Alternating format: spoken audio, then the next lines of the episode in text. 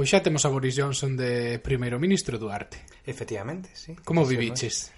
Pois. pois estaba no traballo, na, na redacción, e saía unha do reunión e, e vin que estaba todo o mundo pois concentrándose, digamos, no centro da redacción onde se sentan os editores, onde están as televisións, E nada, cheguei ali a ver con, con todo o mundo, veu xente de todos os departamentos, non, non só non só xornalistas, tamén estaba o, o director xeral e tal, todo o mundo ali vendo. E eu esperaba un pouco de, non sei, de celebración ou de ou de alegría, non? Porque, bueno, Boris Johnson non deixa de ser un compañeiro noso, é columnista, non? No Daily Telegraph, pero non, a verdade foi todo moi moi civilizado, a xente veu, non? Esperado, todo o mundo moi serio.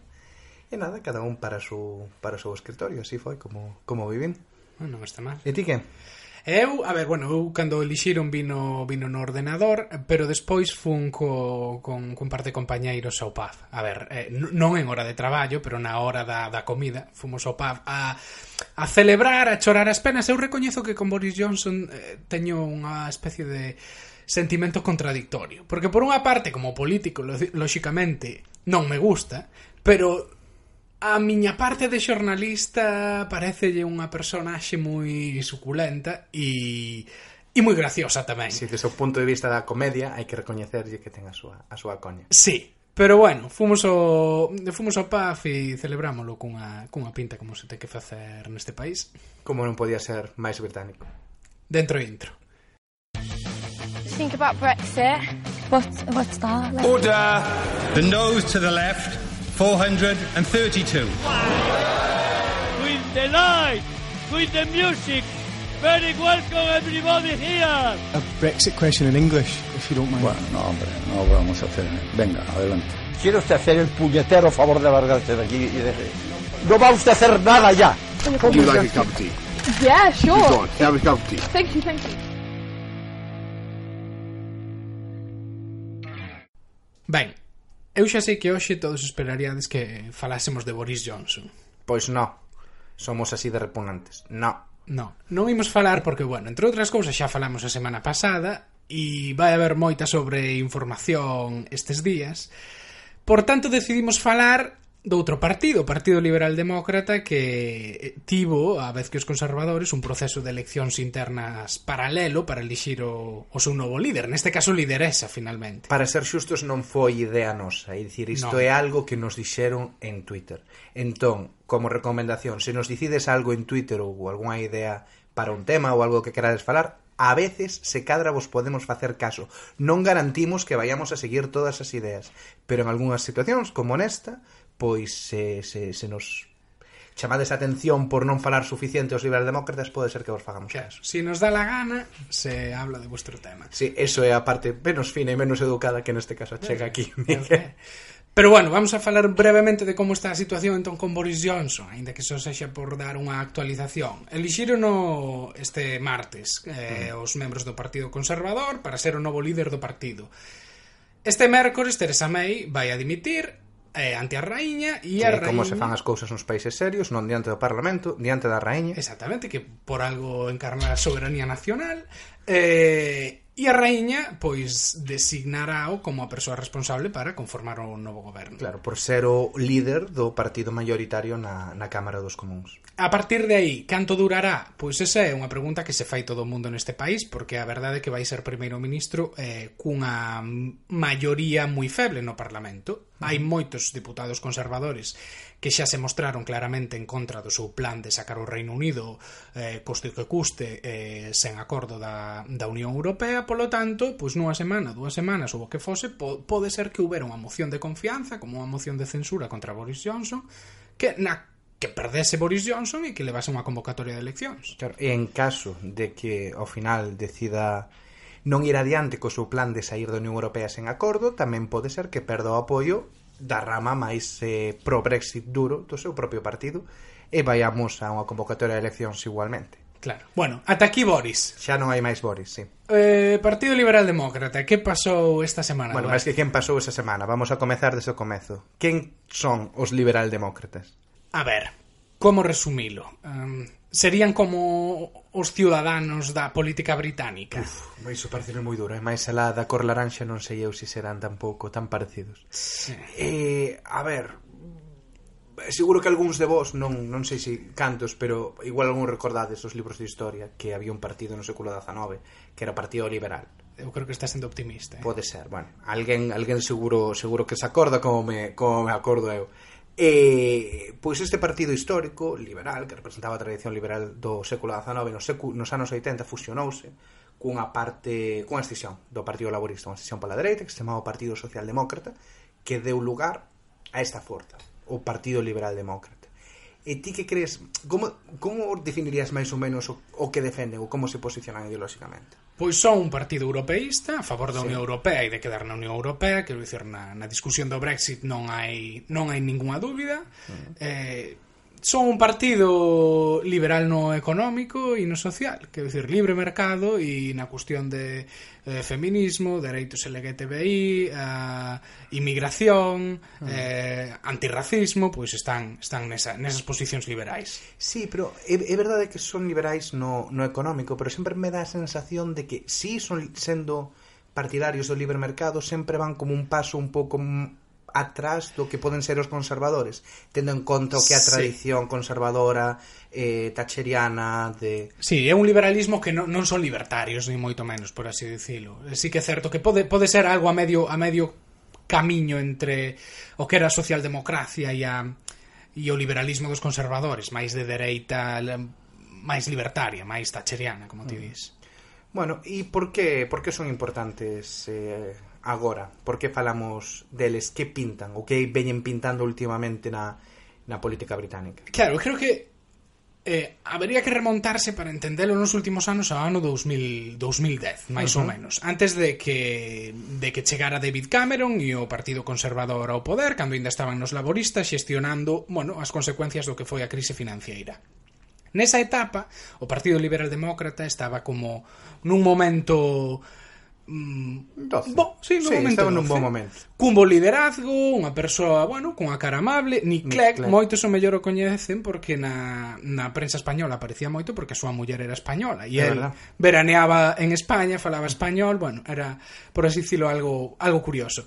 Eh, e bueno, estaban nun, nun momento 12, eh, era un partido de oposición que naqueles anos eh, se caracterizara por unha oposición moi forte ao que fora a guerra de Irak e tamén outra proposta interesante que tiñan naqueles daquela época era o de eliminar as, um, as os as prezos, taxas, as taxas, as taxas das, das matrículas universitarias, que era algo moi moi potente e moi popular entre entre xente nova que o mellor estaba desencantada co Partido Laborista e coa xestión que fixera durante a crise. De feito, asinaron un compromiso coas asociacións estudiantes dicindo que non non apoiarían nunca unha subida das eh, das taxas. Exacto.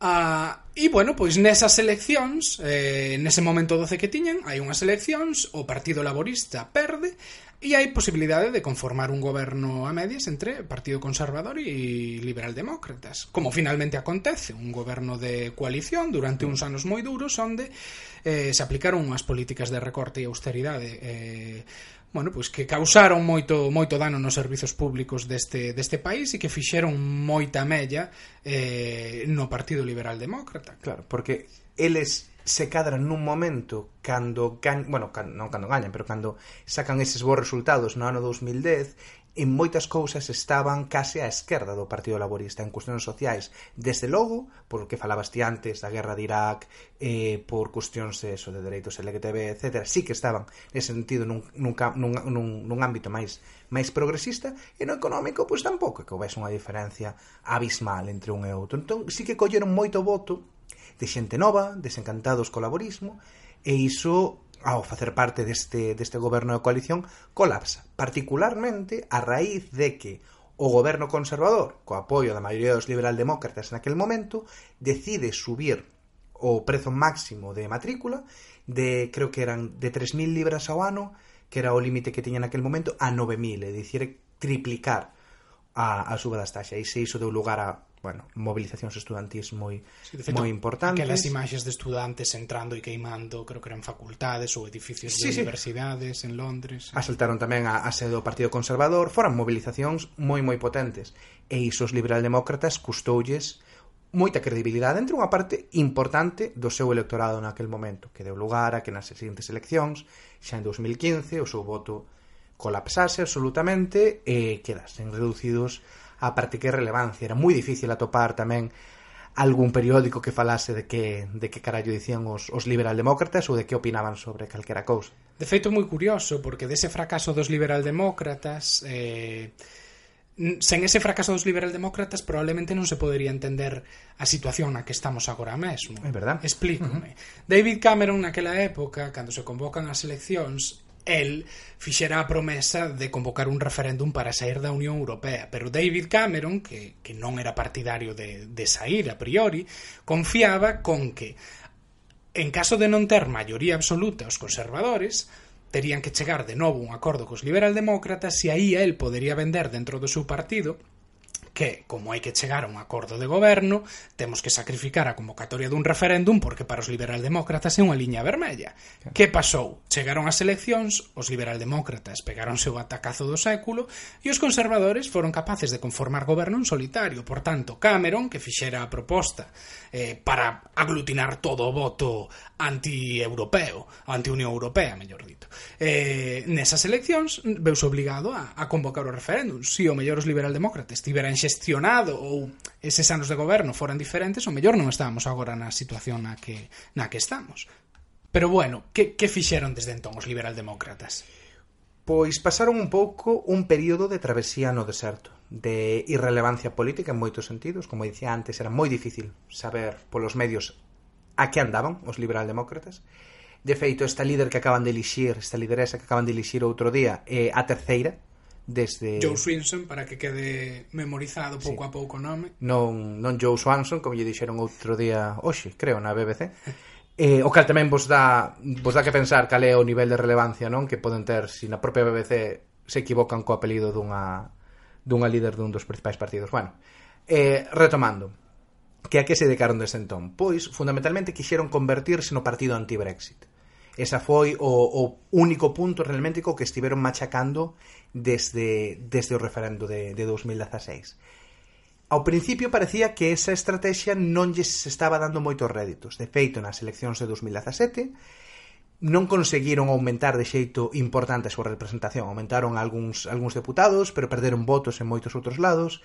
En parte, eu creo que tamén porque aquela campaña se polarizou moito ou se falou moito de cuestións económicas e de cuestións sociais, que iso beneficiou pois, fundamentalmente a, a Jeremy Corbyn, que sacou uns resultados pois, moito mellor do, eh, dos esperados, e eh, Theresa May perdeu, eh, perdeu a súa maioría, e falouse moi moi pouquiño de Brexit que foi debilitou máis a Theresa May e aos liberal aos liberaldemócratas. Claro. Eu creo que en 2017 tamén é certo, eh, probablemente o recordo do goberno de coalición e do seu paso eh, bueno, pues polo goberno estaba moito máis fresco ah, totalmente, estar agora. Sí. E tamén se xuntou pois pues, algunha serie de cagadas dentro da campaña, pois pues, sobre todo a raíz de que Tim Farron, o líder da o líder daquela, pois como era unha persoa moi crente, moi cristiana, tiña unhas opinións sobre, creo que era sobre o matrimonio homosexual que uh -huh. non encaixaban, digamos, co uh -huh co que propuña normalmente os liberaldemócratas que iso tamén lles pasou, tamén lles pasou factura. Pero e última nos últimos meses e sobre todo no último ano parece que estamos diante dun dun certo revival, non? Eso, agora agora mesmo están no partido convertidos no partido máis duro anti-Brexit De feito, casi o seu lema nas últimas eleccións europeas foi Bollocks to Brexit, que foi algo así como ao carallo con Brexit. E, de feito, cando onte, cando foi a presentación de, de Joe Swinson, o lema mm. era Liberal Demócratas, eh, Stop Brexit. Era... Eh. Claro, efectivamente, agora mesmo os Liberal Demócratas son o partido anti-Brexit. E a medida que nos achegamos ao día D, e dicir, ao día da, da saída, e que, e que o debate se vai polarizando máis entre sair sen acordo e un segundo referendo para quedar, os liberaldemócratas foron aumentando en, en votos. Pois nas, nas eleccións municipais subiron moito eh, en maio, nas eleccións europeas en xuño sacaron o, un resultado histórico, quedaron de segunda forza despois do Brexit Party, sobrepasando a laboristas e conservadores. Entón agora mesmo están nun momento 12 tamén, como, como pasou en, en 2010. Está por ver con esta, con esta nova líder cal vai a ser a, digamos, o súa que tal se vai a comportar electoralmente nunhas eleccións xerais, que esa é a proba de lume, porque nunhas europeas ou nunhas locais e os liberaldemócratas poden servir como voto de protesta. Estou cabreado co Partido Laborista e eh, co Partido Conservador polo, polo súa opinión de Brexit e vou nos votar. Pero nunhas xerais, co sistema electoral que hai aquí, igual a xente lle entra o medo e volve aos partidos tradicionais. Entón está por ver, desde logo está un momento moi interesante. Agora mesmo nas enquisas Creo que na media de enquisa dalles que andan como no no 18% ou algo así moi cerquiña dos, dos laboristas e dos conservadores. Entón están nun bon momento. Claro, creo que o éxito do, do Partido Liberal Demócrata vai depender máis de factores como cando se convoquen as eleccións que da da habilidade como líder de, de Joe Swinson, que a mí personalmente non me parece tampouco unha política moi brillante, tampouco é que haga a coñeza nin seguise a, pin, a pista moito, pero bueno, pareceme unha persoa máis ben tirando a gris, ela para dar un pouco máis de información sobre quen é, eh, ela foi en 2005 elixida por primeira vez eh, deputada no, no Parlamento Británico, foi a deputada eh, máis nova, primeira deputada nacida nos anos 80, elixida de feito. E mm. foi no seu día... 25 anos ou así, tiña, sí, non? Cando elixeron. Sí, ahora ten 39 ou 40, sí. creo. Eh, E foi no seu día integrante eh, como junior minister, que é unha especie de ministra sen moito peso dentro do goberno. E creo que o equivalente sería un director xeral ou secretario xeral ou, ou un secretario de Estado no, no caso do, do Estado. Eh, un alto cargo, pero sin chegar a ser un ministro de, mm. de peso, pois nese goberno de coalición cos, cos conservadores. O cal, pois, bueno, para moita xente, eu estou seguro de que o Partido Laborista vai non aproveitar, vai ser un filón para, para atacala, porque, mm. bueno, pois estuvo, estuvo formando parte do goberno da, da austeridade de David mm. Cameron.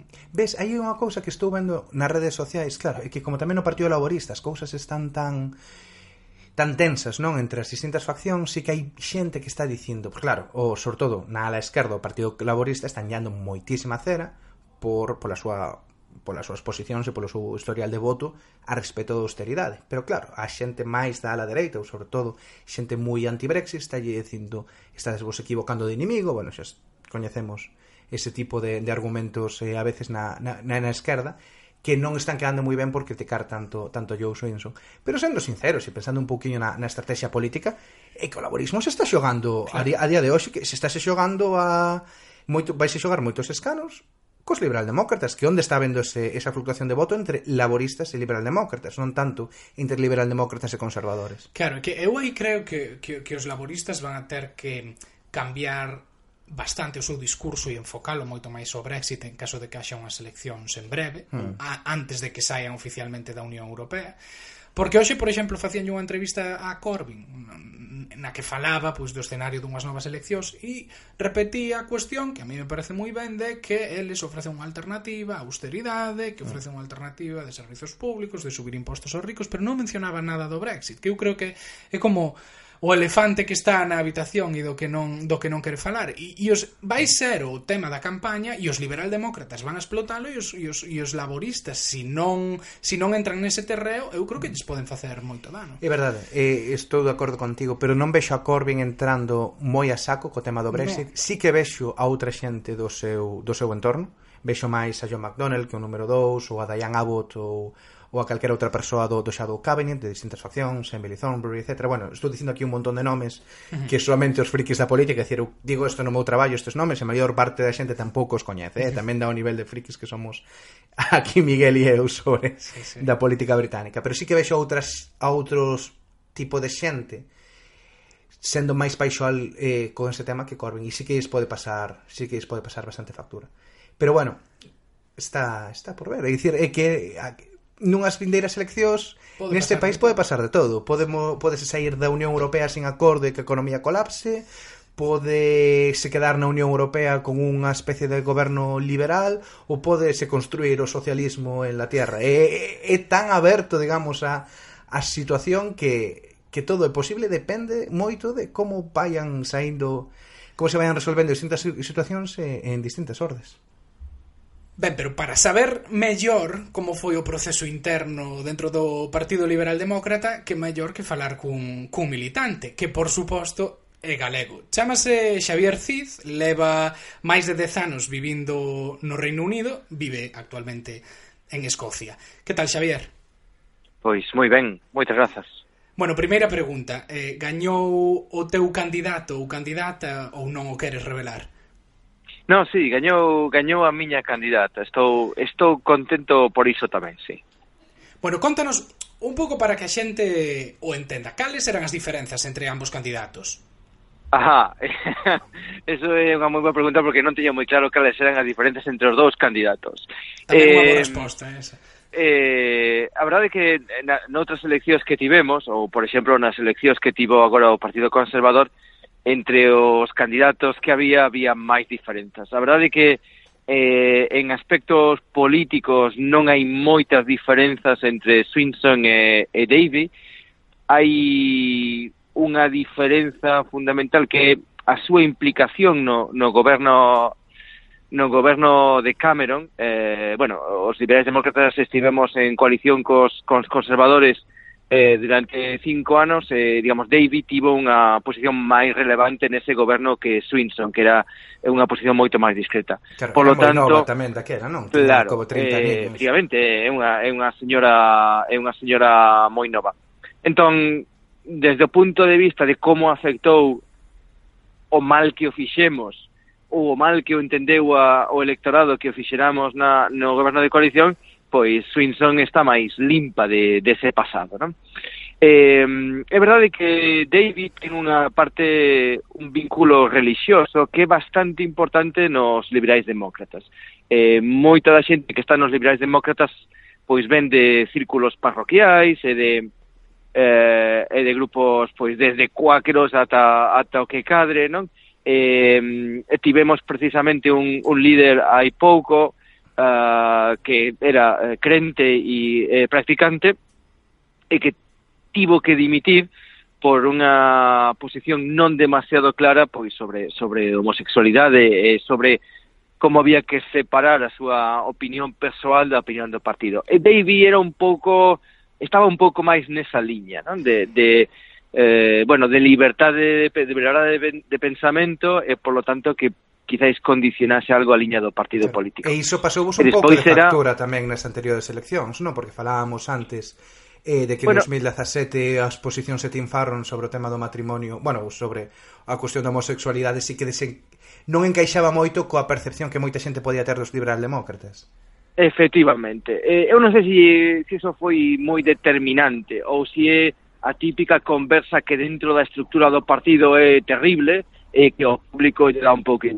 Penso, por exemplo, no que está sucedendo agora cos, cos laboristas e o antisemitismo, ¿no? Creo que o público en xeral tanto lle, tanto lle dá, pero pero como se vive iso dentro do partido é outra historia. Eu claro. creo que o problema estivo estivo máis por aí, non? Mm. Eh, pero claro, ademais é que Simpson é unha muller, quere dicir que desde o punto de vista de, de novidade, eh, non porque haxan no, eh, mulleres no poder, porque bueno, desde os 80, pois Thatcher e agora May pois eran lóxicamente mulleres, pero eh, supón un, unha imaxe máis máis amable e máis de como dicilo, máis de, de pacto, non? Que o mellor pode ser a posición de David que por outra parte, tiña un perfil máis ecoloxista, digamos, que de mm. senso. Non? Que entendes por, ou, ou a que te refires cando falas de, de posición de pacto? eh, de que a posición de Swinson, eh, tamén pola súa experiencia política en Escocia, eh, que chegou, que foi capaz de conseguir pactos máis transversais con persoas de outras forzas políticas. Digamos que, independentemente do que pase co Brexit, eh, se, como queremos os liberais demócratas, finalmente non se executa o Brexit, segue habendo unha metade do país que quere o Brexit. Entón, temos que chegar a un acordo con esa xente, hai que reparar de alguna maneira a fractura social que hai, non? E eu creo que unha persoa, eh, ou eso é, quizás unha opinión persoal miña, creo que unha persoa como Swinson é capaz de tecer eh, máis fíos, de construir máis pontes con persoas que están noutros sectores, que, que David. Sin embargo, ves posible porque, bueno, falando de reconstruir lazos con toda, con toda esa xente que apoiou o Brexit, ves posible que chegase a ceder eh, no, no que veu defendendo ata agora con respecto a Remain, pois que o mellor eh, estea disposta a apoiar un acordo intermedio que supoña Brexit, pero moito máis moderado do que do que propoñen os conservadores ou tú crees que non se vai a pear en absoluto da cuestión non, de hai que quedar na Unión Europea? Non, non, eu creo, o sea, eu dicío no, no, no momento despois, non? Unha vez que unha vez que se toma unha decisión, sexa cal sexa, creo que unha persoa máis eh, favorable ou que pode posibilitar mellor pactos unha vez que estea todo resolto. Eu creo que ata que se produza o Brexit a postura do partido eh, non vai mudar moito porque grazas a esta postura monolítica eh, sin sesión de ningún tipo pasamos de, de, de ser unha forza marginal a ser considerados como, como unha forza eh, de posible alternativa, non? tomando con infinita precaución as enquisas todas. Claro, eh, para dar un poquinho de contexto, estou mirando agora mesmo eh, a media das enquisas dos últimos días, e agora mesmo está Partido Laborista 25%, Partido Conservador 23%, Brexit Party 21% e Liberal Demócratas 18%. Así que en calquera caso, tendo en conta as marxes de erros, agora parece que estamos ou que se abre a posibilidade dun escenario a, a catro forzas políticas con... Sí, con porcentaxes sí. de voto moi parecidos. Xusto. Hai que ver como, como a elección de, de Johnson eh, afecta afecta ao Brexit Party, claro. Eh, claro. Eh, unha, unha curiosidade con respecto ás primarias, de, porque foron, foi un proceso bastante eclipsado por, pola elección de, do próximo primeiro ministro, sí, bueno, do líder do Partido Conservador. E, e porque non se mataban, a diferencia de todos os demais partidos, que, que eso xa é... Claro, eso é o que quería preguntar. A nivel interno, como militante, como, como se viviu? Foi un proceso de primarias polarizante ou... No. No, no, no foi un proceso de, de, de primarias moi relaxado, eh, non houve ningún tema polémico, eh, eu vía de pronto uh, algún de, xente que coñezo do partido que dicía ah, eu vou, uh, vou apoiar a Swinson porque me parece que vai ser moito mellor e que vai ser genial e que vai estar chachi. Eh, e o pouco pois aparecía outro de que decía prácticamente o mesmo de Davis. Non había uns argumentos eh, poderosos, non hai unha liña ideolóxica que divida os dous, é unha cuestión máis de personalidade. Entón, eu creo que o partido eh, a, apostou máis por unha persoa un pouquiño máis nova e con un con unha ponte co, co, co mundo feminino, pensemos que ata, ata aí moi pouco eh, había só unha deputada liberal-demócrata, o resto eran todos homes, eh, eh, no Parlamento de Escocia tamén somos moi pouco, son creo que non hai ningunha muller liberal-demócrata, son todo homes, Entón, é unha intención de cambiar por parte do partido que está facendo bastante para promocionar mulleres aos postos de, de saída. ¿no? Eh, promocionalas, eh, obviamente, eh, porque é necesario, eh, conectar cunha, cunha parte importante da sociedade, pero, pero tamén porque, porque son xente de moitísima valía que estaba eclipsada pois por, por la política masculina. ¿no? É unha pregunta así que fago os dous. Uh, porque estes días estábase a falar moito da posibilidade de que membros do Partido Laborista ou mesmo do Partido Conservador puideran acabar indo ao Partido Liberal Demócrata, como xa aconteceu con Chuco Amuna, e, bueno, falábase... Que, por certo, é o meu deputado. Exacto, bueno. E falábase de, da xente que se foi para Change UK, como Heidi Allen e algún outro diputado que poderían acabar indo os liberais demócratas. Eh, vos pensades que bueno, con esta nova situación e este novo liderazgo sería posible que houbera un trasvase de xente moderada e claramente máis remainer caro o, o Partido Liberal Demócrata? Sí, e, e ademais eh, o líder que marchou agora, que fixo un traballo escuro, calado e, e, e, e complexo, eh, preparou o camiño para isto, porque a constitución do partido, o sea, o regulamento do partido, impedía que unha persoa eh, que non fose militante non sei cantos anos, dous anos, tres anos do partido, eh, se presentase unhas eleccións como representante do partido. E que mudou, mudamos precisamente iso os, os afiliados do partido para permitir que xente como, como Allen ou como Subri ou como, ou como Umuna puidesen trasacordar máis ou menos de maneira áxil e podelos incorporar a, un, a unha candidatura. Non? Eh, unha pregunta, porque se cadra os liberal-demócratas históricamente sempre... Bueno, evidentemente hai un voto ideolóxico, digamos, núcleo ou, ou, ou ou de base, pero sempre tiver ou tivechedes un, un papel case de, de voto de protesta en algúns momentos de cando se está enfadado co, con algún dos dous partidos había xente que colla papeleta do libra, dos liberal demócratas un pouco pois para mostrar cabreo. Creo que é nestas últimas eleccións europeas algo diso houbo, sobre todo en xente laborista que estaba cabreada co, liberal co, perdón, co Partido Laborista pola postura ou pola ambigüidade eh, coa cuestión eh, de Brexit, pero que se cadran unhas eleccións xerais, pois priman outra serie de cuestións sobre a economía, sobre os beneficios e tal, co cal non necesariamente ten que estar de acordo cos liberaldemócratas e aí xa volven a coller a papeleta a papeleta do seu partido principal. Crees que con esta nova líder pois se vai a poder intentar consolidar unha, unha base de voto maior nas, nas eleccións xerais? Sí, a miña razón para, para votar por ela era precisamente iso. Creo que é unha a, é un rostro que nos pode facer chegar mellor e consolidar mellor esa imaxe entre, entre os antigos votantes do Partido Conservador e os antigos votantes eh, moderados do Partido Laborista creo que é difícil, pero non é algo que vexamos eh, únicamente no Reino Unido, non? Uh -huh. eh, eh, democracias que criamos bastante estables están vendo como eh, o votante cambia moi rapidamente de voto, non? Eh, penso en Francia, penso pois en España sen dúbida, eh, penso en Galicia, eh, é dicir, estamos vendo que o votante xa non é tan fiel como era, hmm. para o bo e para o malo. Hmm. E que, que, que ofrecen os liberal porque agora mesmo os, eu pola, pola sensación que teño cada vez que se ve os liberal demócratas na prensa que non é moito, sendo, sendo sincero sempre é falando sobre Brexit os, o lema este de Bollocks to Brexit ou que son o partido anti-Brexit. Que máis ofrecen, ou que máis ofrecedes agora mesmo a un votante pois por exemplo dunha área eh, como na que vivo eu, Streatham, humilde multicultural e eh, obreira de Londres históricamente votante laborista que se lle pode ofrecer máis alá dunha de, de, de, de querer paralizar Brexit?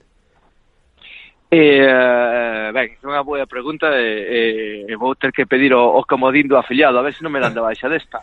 eh, eh, eu creo que eh, unha das complicacións que ten o, o sistema o sistema británico eh, con tanto con circunscricións eh, con, con un só deputado ou deputada, eh, ao final eh, o que fai é que efectivamente ti esteas pensando que ten que ofrecer o, o modelo liberal demócrata aos do teu aos do teu distrito, non? Eh, um, e eu creo que aí ao mellor é, é máis complicado de velo. Eu creo que é un partido eh, claramente aberto á inmigración, Ajá. eh, por exemplo, que marca unha diferencia co, co laborismo. Creo que é un partido moi pro verde, tanto na súa etapa no goberno uh, con Cameron eh, como ali onde está gobernando en concellos ou gobernando en concellos e demais. Eh, o peso dos eh, verdes liberais é moi forte dentro do partido, eh, e son unha corrente unha corrente bastante importante. Entón eu creo que é unha eh, unha parte, digamos, máis moderna que o mellor o voto tradicional obreiro. Non? eh, é unha cuestión tamén de clase social, de, de algunha maneira. Non? Eh, é difícil para os liberais demócratas entrarnos no feudo de, digamos, clase blanca, clase branca, obreira, eh, de toda a vida británico. Eu creo que aí temos pouco, temos pouco que dicir, temos pouco que prometer, pero que ademais creo que calquera que prometa algo para ese, para ese grupo social está, está mentindo, no fondo. ¿no? Quer decir que eh, Hay unos cambios imparables eh, a nivel económico, de globalización y a nivel eh, climático, eh, ecolóxico, que, que estar facendo promesas, repito, é a miña opinión. Eh, a, aos veciños do, do sitio que antes era industrial e que ahora non teñen moito que facer, estarlle facendo promesas de que o mundo futuro vai ser moito mellor, eh, pois non, non, non vai ser mellor eh, eu creo que ter un discurso eh, deseñado para cada un dos barrios, para cada un da, unha das zonas, eu creo que aí é, é máis complicado. Non? Creo que, que non é viable a medio e longo prazo e que chegamos a cousas como as que nos sucedeu durante o goberno de coalición que lle prometimos aos estudantes unha cousa que non era viable de, de cumprir. Non? Claro, agora eh, eu creo que, bueno, polo, tamén polo que estiven vendo en redes, que unha das críticas polo que se vai atacar a Joe Swinson pensando máis, por exemplo, desta, deste punto de vista laborista. Está claro que os conservadores van a atacar coa idea de que non quere cumplir o mandato popular do referéndum e os laboristas van a atacar co feito do seu papel durante o goberno de, de coalición e o apoio ás políticas de austeridade. Agora mesmo é verdade que a opinión pública está nunha posición de rexeitamento da, das, das políticas de austeridade, como crees que pode intentar xestionar esa crítica que se faga polo, polo, polo lado esquerdo, digamos? Ben, eu non estou moi de acordo en que a xente rexeite eh, as políticas de austeridade como tal.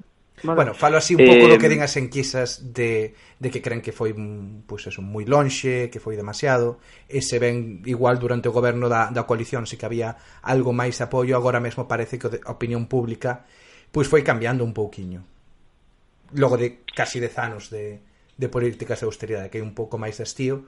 Non sei, é a, é a sensación que tanto teño personalmente como polo que vexo polas polas enquisas de, de opinión pública. Sí. Eu non, eu non teño esa non teño esa sensación. Eh, e o certo é que eh, bueno, o papel que tivemos os liberais demócratas no durante o goberno de coalición foi algo de contrapeso o que as políticas, eh, digamos, máis de austeridade que propuñan os conservadores. Tamén, non somente na parte de económica, senón tamén de, de liberdade persoal e demais. Non? Eu, sinceramente, non creo que aí sexa eh, poidamos dicir moito, porque eh, as políticas de austeridade de contención do gasto creo que son necesarias e forman parte do, do cor liberal, de liberal no económico e liberal no social tamén. Entón, eh, aínda que hai unha parte do partido, do Partido Liberal, eh, do Partido Liberal Demócrata, que ten aí unhas raíces no, sabemos, de caciquismo, hm? eh, si determinadas zonas do país son eh, liberal demócratas porque o eran hai 100 anos, vale? Entón, hai ese tipo de políticas de máis liberalismo económico eh, non encaixan tan ben. Estou pensando, por exemplo, pois na, nas illas do norte de Escocia, na, nas Orcadas ou na, ou na, ou na Shetland. Non? Eh, sen embargo, mm, creo que, que no resto do votante medio británico, eh, de clase media, eh, esa posición de hai que conter o gasto, non podemos porque temos que ter en conta tamén quen está en fronte. En fronte non está Miliband, en fronte non está uh, non está un sector máis eh, blerita, digamos, está eh, alguén que quere nacionalizar o ferrocarril. Vale. Entón, eu creo que ante, ante iso, ter unha posición de sí, o camiño da austeridade era correcto, quizáis, en, que si, quizáis se foi das más en algúns aspectos, pero os problemas do Reino Unido agora mesmo non son de austeridade. Non?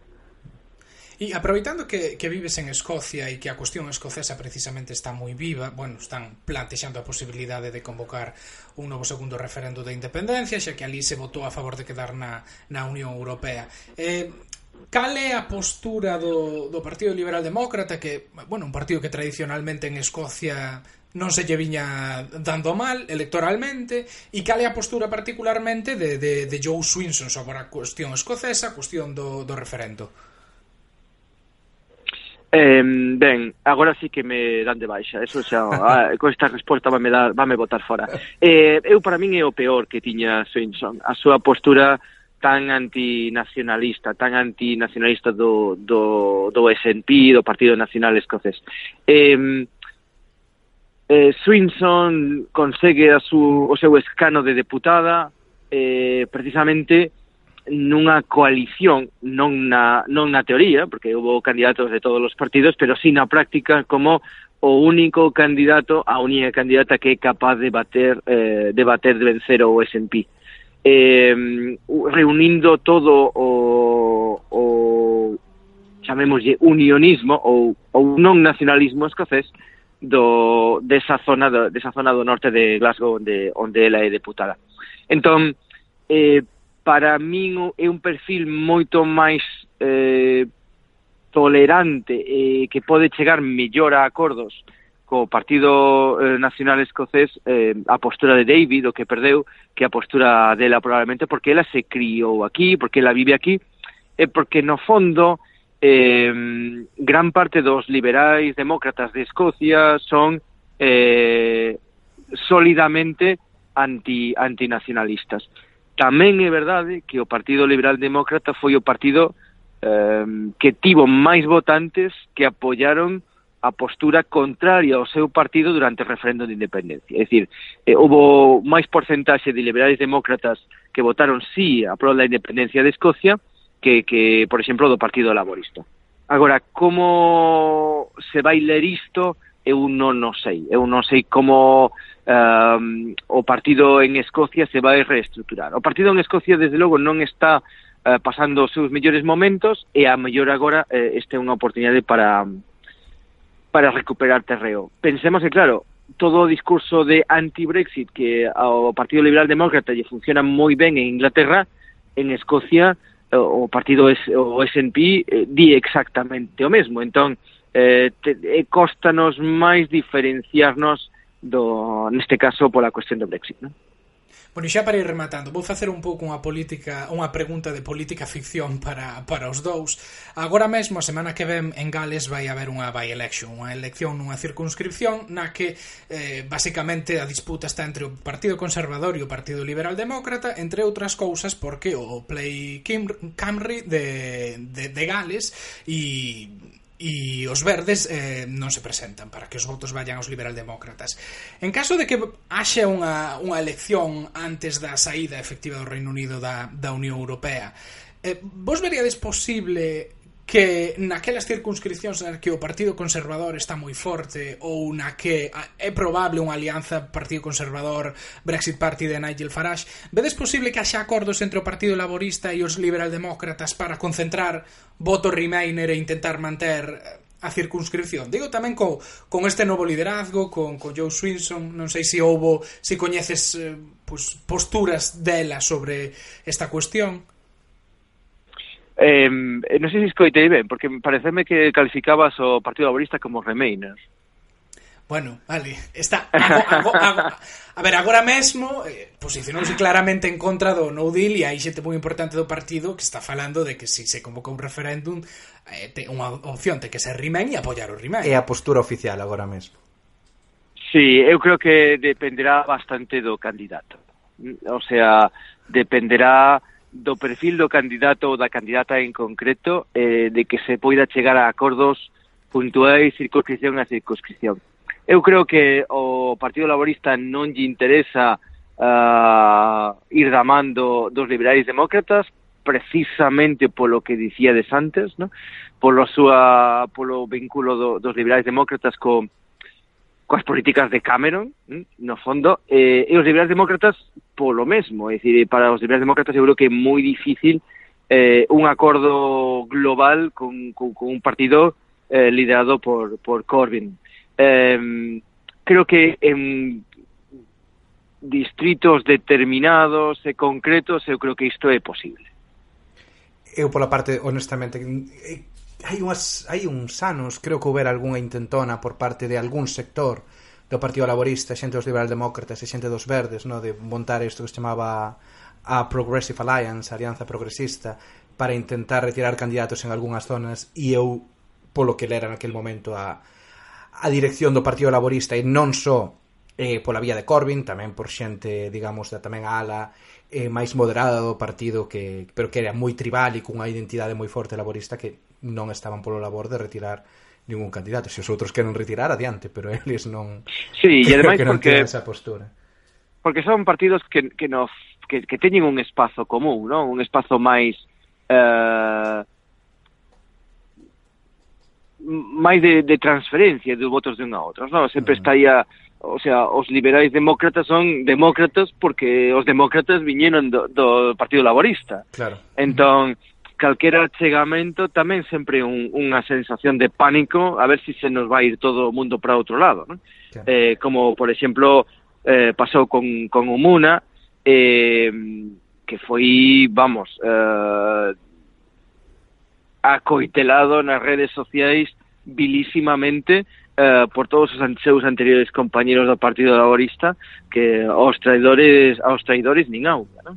Entón, eh, eu creo que, que os dous partidos queren manter a súa, a súa diferencia máis forte. Creo que, por exemplo, cos que mencionabas antes, co Play Cambri ou co, ou co Partido Verde, eh, as fronteiras son moito máis suaves eh, e, e que sería máis fácil de, de que se producisen ese tipo de transferencias. ¿no?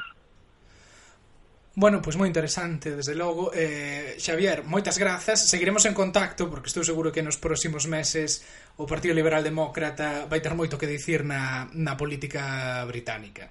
Claro, cando gañemos as eleccións. Sí, volveremos falar no, na análise postelectoral logo.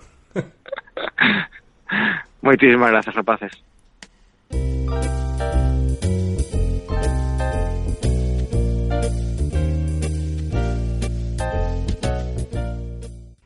Pois ata aquí o programa de hoxe, un pouquiño distinto que facemos habitualmente, agardemos que vos gustase, así que, como sempre, se vos gusta o que facemos, deixadesnos algún comentario en iVoox, e en iTunes ou onde sexa que escoitedes os podcasts, iso sempre axuda a que outra xente descubra o que estamos facendo.